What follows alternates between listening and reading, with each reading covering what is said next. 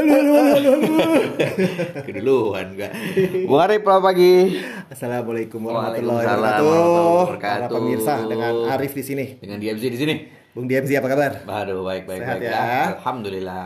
Alhamdulillah. Marketnya better than expected nih minggu kemarin ya. Gue sampai lupa kita bilang apa aja minggu kemarin.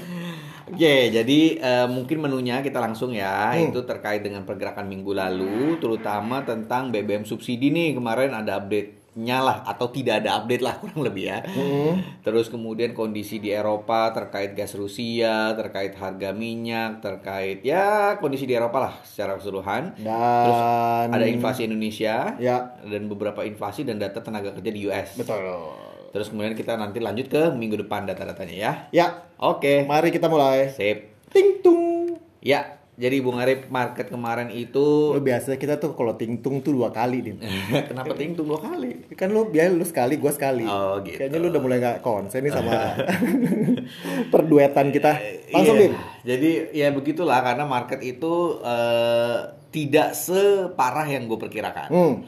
Jadi last week itu diperkirakan dengan Powell yang masih agresif, diperkirakan marketnya akan turun. Hmm. Tapi ternyata malah biasa aja. Iya. men. Jadi malah justru IHSG itu eh, ujung-ujungnya ditutup Begitu. ngetes level 7200 ditutup di 7177. Eh sempat ya Dimen ke 72 7200 sempat tuh Din. Iya, Intradaynya. 72 ngintip-ngintip doang, Ah, jilat-jilat doang. Eh ternyata nggak ada apa-apa. Dia turun lagi. Turun lagi. Tapi overall masih naik lah 1, hampir 2 persen loh. Dari last Ngobrol. trade last trade dari 7132 jadi 7177. Iya, betul. Dan eh ya itu tadi sempat ngetes 7200 ini di luar perkiraan karena yang tadi gue bilang ya minggu lalu gue ngaku salah nih. Eh, Minggu bagus. minggu lalu pikirin bakal turun. Gue ada tebakan bener gak dari minggu lalu? Enggak. Eh lo ada tebakan. Ada tebakan BBM bener lo ya? bilang eh, nggak ada berita, Oh, oke. nggak ada asal kusuk. Nggak ada ya. Padahal katanya udah ada yang sempet ngantri. Eh lu itu dulu deh. Kita Ya, ngomongin ya, nanti nanti BBM. kita lanjut ya. Ya. Terus kemudian dari rupiah itu juga eh, tadinya gue pikir bakal ngetes tu- 14.950, tapi ternyata Nggak ke mana-mana eh, juga ya? Ya dibuka nggak jauh-jauh dari 14.850-an, perlahan naik 14.900, tapi cuma ngetes di 14.900 doang. Ah. Habis itu turun lagi, akhirnya ditutup di 14.892 lah kurang lebih 898, ya. 89. Ya, betul 89-an. Oh, jadi kalau kita lihat itu di di di uh, rupiah, rupiah itu tertinggi 907. Ya, iya ngetes-ngetes 900 doang. Hmm. Habis kayak ngejilat-jilat lagi tadi. ISG ngejilat 7200. Nggak enak nih katanya. Pas dijilat nggak enak nih. Dia turun lagi. Turun lagi. Gitu. Nah, Bagaimana dengan obligasinya? Di obligasi itu ya, kemarin kan data data obligasi eh data inflasi kapan sih, Dim? Indonesia hari tanggal 1 itu hari Tanggal 1. Rabu ya. Ya, jadi tanggal 1 itu kayaknya pergerakan uh, obligasinya sih kayaknya tidak terlalu banyak bergerak. Hmm. Kalau kita lihat minggu lalu, pergerakannya cuma di kisaran itu 7 poin dibuka di 7.2. Ya, Ya kan? Hmm. 7.21 ditutup-tutupnya menguat sih, 7.15. ya. Dan ini juga eh, ya di luar ekspektasi kita ya tadi dan kalau misalnya dilihat sebenarnya kan pergerakan overall market tadinya expect-nya bakal eh, turun tapi eventually cukup bertahan lah ya. Iya. bahkan cenderung ya tadi ngetes-ngetes eh, ISG malah ngetes level 7200 gitu. Karena memang juga sepi berita, Dim. Nah, sebenarnya dari Indonesia itu ada tadi ya, kita sebut aja langsung yang data inflasi Indonesia ya. Data inflasi Indonesia itu eh, eh, seperti kita dugaan Hah? itu memang agak sedikit melambat dari 4,94 forecastnya di 4,9 eventually 4,69 Ya. ya mungkin ini indikasi ya harga minyak goreng yang turun, harga telur yang tadinya sempat melonjak gitu kan. Tapi mungkin agak turun. Kemudian yang Pak sebenarnya ini juga yang paling ditunggu sebenarnya bukan data inflasi ini tapi terkait kabar kenaikan BBM Yes. gitu. Yang ternyata sepanjang minggu kemarin Hmm. Eh, tebakan Bung Ari bener Benar. nggak ada kenaikan ya. Jadi- Emang ada bocoran dari Ah, ada. Jadi waktu gue ikut rapat, Iya. Lu kenal Ar- Ar- apa? Erlangga Hartanto kayaknya Menko. tahu-tahuan doang. Cie, nggak bercanda. Luhut Luhut juga kenal kayaknya Luhut. Wah, kalau gue kenal dia, kita nggak berdua di sini deh. ya, anyway, ke- tapi kalau eh, desas-desusnya itu kan kemarin sangat heboh gitu kan. Hmm. Karena kan di minggu sebelumnya itu, sebelum podcast kita kemarin kan Ibu Sri Mulyani kan sudah ngomong panjang Iya, lebar betul. terkait Terus- dengan eh, apa ini apa itu terkait Iya. dengan harga BBM, subsidi perlu- BBM. Perlu gitu. mengalihkan subsidi BBM. Betul, Dan di awal berguna. minggu itu juga ada berita tentang bansos. Hmm. Kenceng banget itu bansos bakal BLT. dibeliin. Iya BLT itu. Ba- Iya, iya, iya, bantuan apa langsung, Langsung tunai, tunai. ya. Ya itu sangat santer dan pikir oh bener nih dan beritanya kan 1 September bakal naik. Yes. Banyak yang antri bro waktu SPBU. nah bener tuh ya karena kan waktu tanggal waktu ke tanggal satunya itu eh tanggal 30-nya itu eh, si eh, tukang gojek gua Mhm. tuh bilang nanti malam bakal rame nih pak karena besok mau naik apa harga BBM Hmm. wah pas gua bilang yang bener pak iya waduh kok Dimas belum ada kabar nih gua bilang Hmm. nah habis itu katanya udah pada ngantri pak gitu katanya Iya, tanggal akhir September, 3 Berarti- September itu banyak yang ngantri. termasuk lo Sampai mana? Enggak, gue udah ngantri beberapa hari sebelumnya. well anticipated Iya. ke gocek lagi berarti ya Iya, pas gue masuk tanggal 1 lewat loh, kok masih ngantri juga pagi-pagi Hmm. gitu. Oh, ternyata belum ada. Bahkan yang BBM non subsidi itu Pertalite kan itu kan Bukan BBM non Oh, subsidi, non-subsidi, itu yang di atas non-subsidi. Pertamax. Pertamax, Pertamax. Pertamax Dex ya kalau nggak salah ya. Eh Turbo, Pertamax Turbo. Sama apalah gitu. Kalau mo- yang kalau kalau mobil kita pakai itu pecah-pecah kenapa? Nggak sanggup. Iya, nah itu katanya diturunkan malah gitu. Hmm, hmm, hmm, Tapi ini mungkin juga terkait ya, harga minyak, harga oil. Harga minyak juga turun kan Im ya? Betul, harga oil ini yang tadinya sempat menjilat-jilat 100 tadi, ini Di bawah 90. Iya, Yang untuk yang Sinaimax, Eh, yang brand WTI, WTI. Ah, yang brand brand 93, 93. kalau salah terakhir. Nah, itu mungkin mungkin ya itu salah satu pertimbangan. Tapi memang kan harga minyak ini volatile ya. Tadinya sempat di atas 100 jauh, 120 gitu kan. Hmm. Terus sempat di bawah 100, terus kemarin sempat naik sedikit 100. Nah, ini eventually di bawah 100 dan ya ada isu-isu juga bahwa Indonesia nih kenapa kita nggak ngambil minyak dari Rusia Hmm. gitu di mana katanya eh, 30% lebih rendah dari harga eh, internasional lah gitu. Jadi eh, yang kayak gua kabarin lu semalam itu, jadi eh, eh, pertemuan eh, Menteri Keuangan G7.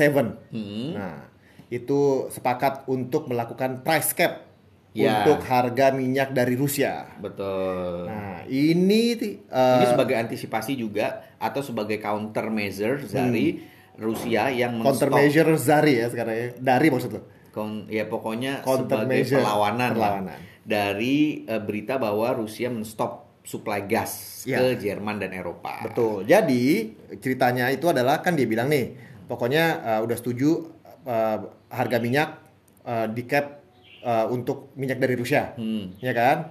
Terus habis itu gue lihat lagi headline-nya nggak lama kemudian sejam kemudian apa? Apa ya? Uh, Rusia tidak akan mensuplai sama sekali untuk negara-negara yang menyetujui price cap.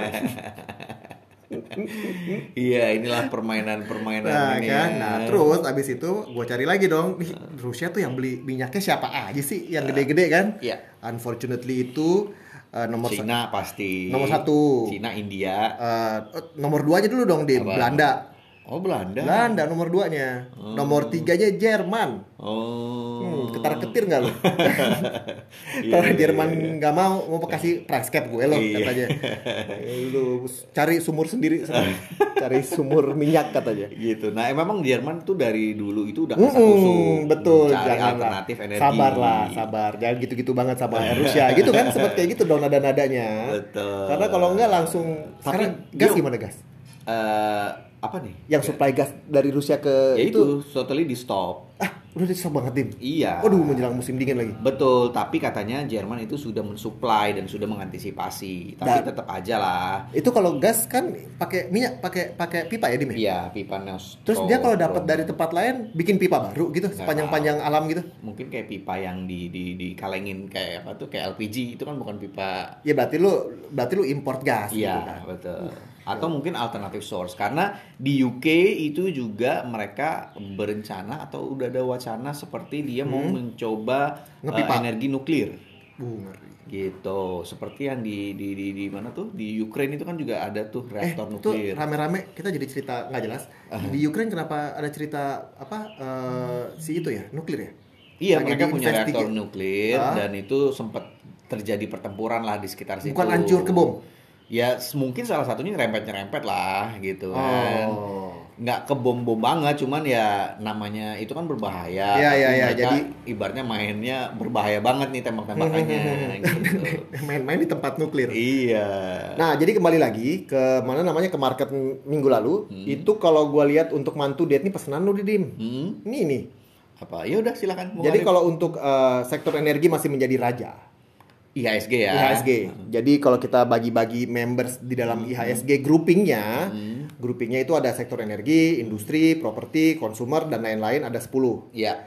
Nah, Nah, ya. ini ada ada Ini mantu 11. date ya, ini man- mantu date ya. Ada 11. Ada 11. Nah, ini yang lo dapatkan dari Bloomberg, dia Yes. update ya. Yes. Nah, sebenarnya ada juga data tuh kemarin gue udah nemu data kayak gini, tapi dari eh, eh, eh, mana ya kalau nggak salah, BEJ atau dari mana lah, lupa. Hmm, Itu itu Nah, mingguan juga. Nah, tapi dia nggak terlalu update, dia Oh. mungkin bulanan atau mingguan lah baru Oke. update. Tapi kurang lebih sama lah. Nah, Jadi ya masih masih jawara Mm-hmm. untuk mantu debt performance. Uh, sektor energi Mm-hmm. naik 2%. Sektor industri naik 0,96%. Mm-hmm. Sektor properti dan real estate setengah persen. Mm-hmm. Ini gue kasih yang positif-positif aja dulu deh.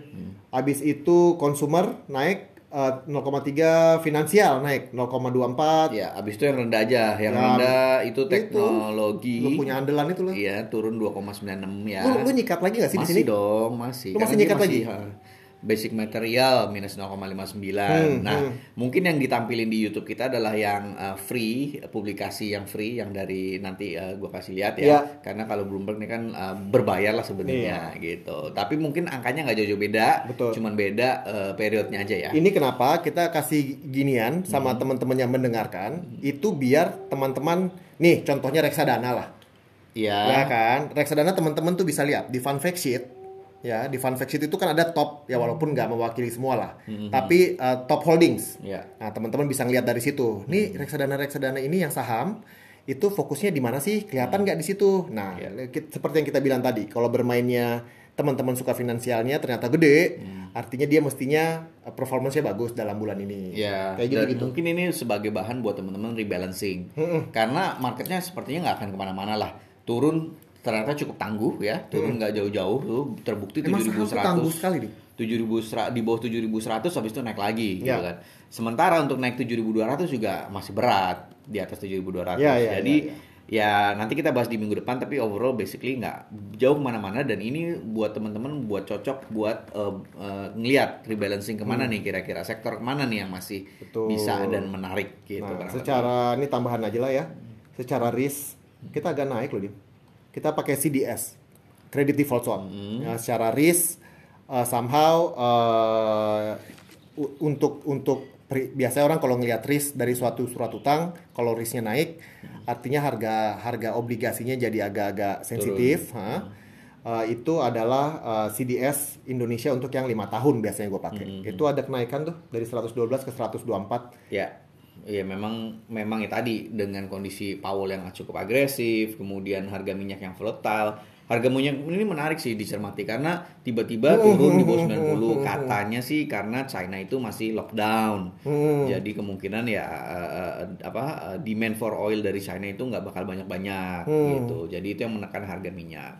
Nah, Eh, kemudian kita eh, kemarin itu banyak data juga sebenarnya. Dan yang tera- eh, yang menarik itu adalah inflasi Jerman. Selain tadi inflasi Indonesia yang sudah kita bahas inflasi Jerman itu masih masih merangkak naik dari 7,5 persen tadinya diperkirakan naik ke 7,8 ini naik 7,9 persen. Gitu. Nah itu mengindikasikan memang di Eropa terutama Jerman yang sangat tergantung sama eh, Rusia sebenarnya dari sisi komoditas itu masih inflasinya masih cukup tinggi. Dan Oke. ke depannya juga dengan winter ya sepertinya juga pasti akan naik lah lebih tinggi gitu. Oke. Terus di akhir minggu itu yang eh, data US yang menarik data tenaga kerja di mana NFP Amerika itu memang non farm payroll ya teman-teman itu memang eh, eh, indikat salah satu indikator tenaga kerja di sektor tenaga kerja di Amerika itu mengalami penurunan tapi nggak separah yang diperkirakan. Iya. Jadi yang tadinya eh, ada sekitar penambahan 525 ribu eh, dari periode sebelumnya, ini sebenarnya mengalami penurunan non farm payroll-nya ke 315. Pertumbuhannya melambat kan, Dim, maksudnya Dim? I, eh, iya, Iya kan? melambat betul. Lebih lambat daripada periode sebelumnya. Eh, Eh, tapi nggak separah forecast di 300 ribu. Betul. Tapi ini mengindikasikan unemployment rate-nya atau berimplikasi terhadap unemployment rate di US ini mengalami kenaikan Dari 3,5 ke 3, 7 Ya. gitu. Naiknya lumayan lah Nah, gitu. ini kenapa kita bawain semalam gua agak-agak seru ngeliatin ginian? Hmm. Soalnya ini terkait dengan uh, bettingnya terkait kenaikan suku bunga. Ya, kebijakan Fed itu seperti apa nanti Betul, ke depannya betul. gitu. Nah, kalau misalnya datanya seperti ini biasanya berarti Fed-nya ya mungkin agak lebih berhati-hati Hmm. karena tenaga kerjanya nih sektor tenaga kerjanya nih eh, ya belum pulih banget lah gitu. Ya, tapi kayak tadi yang lu bilang sebelum kita mulai kita punya cerita hari ini, Hmm. itu uh, walaupun memang NFP-nya lebih baik daripada perkiraan, tapi unemployment rate-nya kan naik. Hmm. Iya, Nah, betul. Hmm. itu yang menjadi tadinya udah tenang tuh marketnya. Kema- tadi malam gue perhatiin, marketnya pas udah keluar datanya, Hmm. marketnya udah agak tenang karena kan udah mulai mereka udah ngelihat oh data apa data NFP-nya bagus, berarti si uh, the Fed mungkin nggak akan menggila-menggila lagi naikin suku bunga. Awalnya gitu. NFP-nya melambat, betul. rate-nya naik, Betul. jadi harusnya nggak terlalu agresif. Betul. Jadi pas abis itu pas ke sini baru nyadar, eh tapi kan un- unemployment-nya unemployment rate-nya kan masih segitu gitu. Ya udah hajar lagi kayak seperti. Jadi jadi perdebatan terkait dengan kenaikan suku bunga mau berapa itu masih jadi agenda yang akan menarik. Ada yang Betul. bilang ada yang bilang masih akan mega mega increase, ada yang bilang mungkin nggak sampai setinggi-tinggi itu Oke, naikinnya. Karena minggu depan ini ada data yang menarik nih, Bung Arif. Hmm. Eh, jadi kita langsung ke minggu depan ya. Minggu depan itu ada beberapa data menarik. Eh, mungkin dari yang pertama dari RBA rate itu eh, Australia kemungkinan akan menaikkan suku bunganya lagi Ya. sebesar 50 basis point lagi nih. Jadi mereka masih cukup agresif ya. Sementara juga ada beberapa GDP euro dan eh, inflasi dari China. Hmm. Terus kemudian ada ECB rate. Nah, tapi yang ECB rate itu kapan sih, Dip? ECB rate itu Kok tadi malam udah diomongin ya tadi malam ya? Kamis. Kamis ya? Kamis. Oke. Kamis atau ya kurang lebih deh. Hah, hah. Eh, nah, yang terpenting be- minggu depan itu ada Fed Beige Book.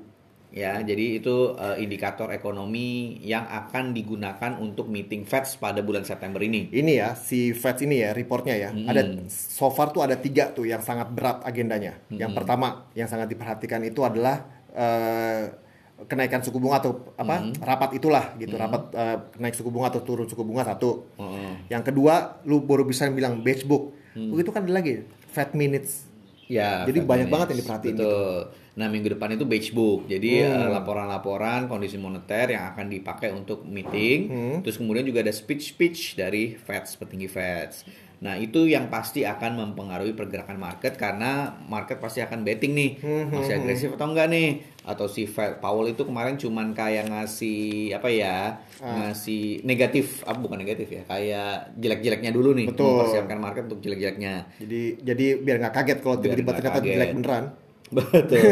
Tapi kalau misalnya dilihat dari data-data terakhir, sepertinya kayaknya Hmm. nggak perlu terlalu agresif lagi harusnya. nah kalau untuk dari Indonesia sendiri sih kayaknya belum ada data-data yang eh, Ya. sangat ini ya Betul. Kalau kita lihat itu mungkin data-data trade kali ya, tanggal 15 nih. Data-data trade, data-data trade balance, ekspor import aja yang akan datang dari dari eh, apa namanya Indonesia. Ini masih dua minggu lagi tapi Bung Arif. Dua minggu lagi ya. Heeh. Sekarang tanggal berapa sih? Sekarang tanggal Tiga ya, gue kira tanggal 9 empat, tanggal lima, cuti. lima. Tanggal gue cuti tuh. Ntar dulu. Jadi kalau misalnya tanggal 99 itu adalah CPI udah, terus foreign reserves berarti. Ya. Foreign betul. reserve bakal ada tanggal 7 Berarti minggu ini mungkin sepertinya itu dulu yang agak penting Minggu depannya Ya. baru ada data-data Tapi yang trade paling balance dinanti adalah tadi Fed dan ini dengan kondisi seperti ini Hmm. dan kondisi minggu lalu sepertinya stance stance gue melihat bahwa ISG sepertinya sama kondisinya akan flat ngetes level 7200 lagi tapi again 7200 kayaknya agak sulit ditembus tapi turun juga enggak Hmm. rupiah juga kan ngetes level 14900 Ya, gitu. kemarin lagi dong berarti Nah. Ya udah saya juga sama deh kalau untuk obligasi berarti juga sama kayak kemarin ikut aja lu Ikut aja deh gue Iya. Tapi gue ada feeling nah, gimana nih BBM lagi nih BBM bener kalau bisa kita Iya. you Jadi- understand me so well Iya, gimana BBM nih? Jadi kalau BBM, karena gini, kalau BBM mungkin. Kalau ini kan ini kan spekulasi Iya, iya. Jadi kalau kita lihat itu memang eh, listrik, BBM itu kan semuanya kan keputusan-keputusan yang sangat sensitif. Iya. Dan kalau di kejadian kan yaitu jadi nggak populer lah. gitu. Sangat dilematis. Sangat dilematis. Nah, jadi kalau misalnya tapi sampai saat ini pun belum ada tegas-tegasan kata-kata naik atau turun. Kejadiannya Kenapa itu turun? Kayaknya nggak mungkin turun. Oh, ya udah, nggak yang subsidi ya. Ya, yang subsidi. Kita Ah. cuma ngomongin yang subsidi justru. Oke. Yang seru kan itu. Iya, iya. Kemarin yang non subsidi turun ya sudah lah ya. Iya, Ya, karena emang udah naik lewat berkali-kali. begitu aja. Iya. Jadi indikasi yang gue lihat itu adalah satu belum ada eh, eh, ketegasan terkait dengan yang subsidi. Iya. Ya kan? Nggak ada yang bilang nggak akan naik. Nggak ada Nah, kan? nggak ada. Nggak ada.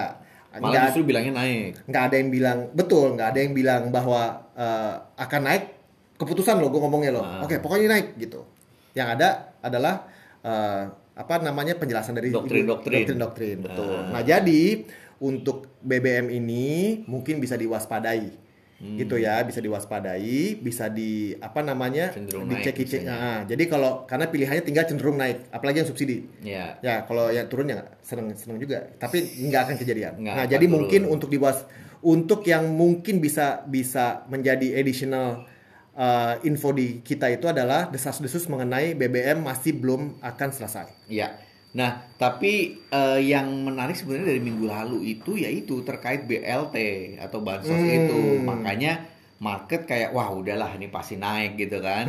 tapi ternyata sampai sekarang belum. Hmm, Yes. Oh iya, tapi ini juga ya forecast forecast tadi kita ini belum termasuk eh, belum mengantisipasi eh, berita tentang BBM ini Oh, iya naik atau enggak ya. Kalau Jadi ini kita pasang disclaimer dulu. Betul. Karena kalau misalnya naik itu pasti akan mempengaruhi Hmm. eh, pergerakan market. Naiknya Oh seberapa iya, besar iya, itu. eh, dan juga efeknya terutama terhadap inflasi. Ini yang mungkin ditakutkan karena yang seperti gue bilang di podcast sebelumnya, kalau misalnya BBM naik, itu inflasinya bisa double. Bisa menggerakkan market dan menggerakkan demo. Iya. Bayangin tuh yang pakai hijau-hijau semua kalau datang kan. Betul. Jadi banyak. kemarin aja udah ada demo kan. Iya, ya, ternyata ya. Heeh. Geng itu ya? Iya, Hmm. tapi belum mahasiswa kan mahasiswa udah bersuara bakal turun gitu. Belum Nah. lagi untung Indomie ceritanya udah selesai. Ah, Ya kan? Betul. Oke, jadi itu kalau yang kita lihat buat minggu depan, kita Ah. nggak ngelihat terlalu banyak berita-berita yang menggerakkan market. Kecuali BBM, BBM. yang Kecuali- which is kita nggak tahu. Betul. Kejadiannya bakal naik atau enggak Yes. gitu. Tapi again itu cuman kita punya ini ya, disclaimer on tuh ya. Iya, ini kita punya betul. perkiraan aja, kita punya uh, view view Betul, gitu. betul. Nah, uh, otherwise uh, data-data belum ada yang terlalu aneh-aneh. Uh, kita lihat marketnya mungkin kayak minggu lalu aja. Ya, kalau tanpa BBM market akan flat. Oke. Dengan BBM market mungkin akan bergejolak dan juga jalan-jalan Yes. juga akan bergejolak. Betul. Tapi Susah nanti pulang dari MRT. kemarin lo bener nebak BBM. Jadi eh, minggu ini minggu depan gimana, Bung Arif? Naik atau enggak? Minggu depan sih belum tetap Belum. Oh, gitu. oke. Tapi walaupun penegasan-penegasan ini harus keluar, gue pendapat gue gitu di Ah. Iya, iya. bilang gitu. Hari ini pokoknya BBM untuk yang subsidi kita akan tetap subsidi sekian, nggak akan naik gitu. Nah itu Ah. Oke. barulah kita tenang. Oke. Selama itu nggak keluar, dan itu Tapi berarti minggu depan belum ada kenaikan nih? belum belum. Oke, sedap. Cuy, ini bocor. ini bocoran yang nggak nggak jelas lah ya. Jangan lu tapi minta ya. pada percaya lagi bocoran. Kagak. Ini Nggak, semuanya spekulasi. Iya, iya, Ya dan iya. perkiraan yang Iya, berdasar. iya, iya. Tapi kemarin benar. Benar. Minggu lalu, minggu ini nggak tahu deh. Ya tahu. Oke? ya, Sip. oke. Thank sip. you semua. Thank you. Bye-bye.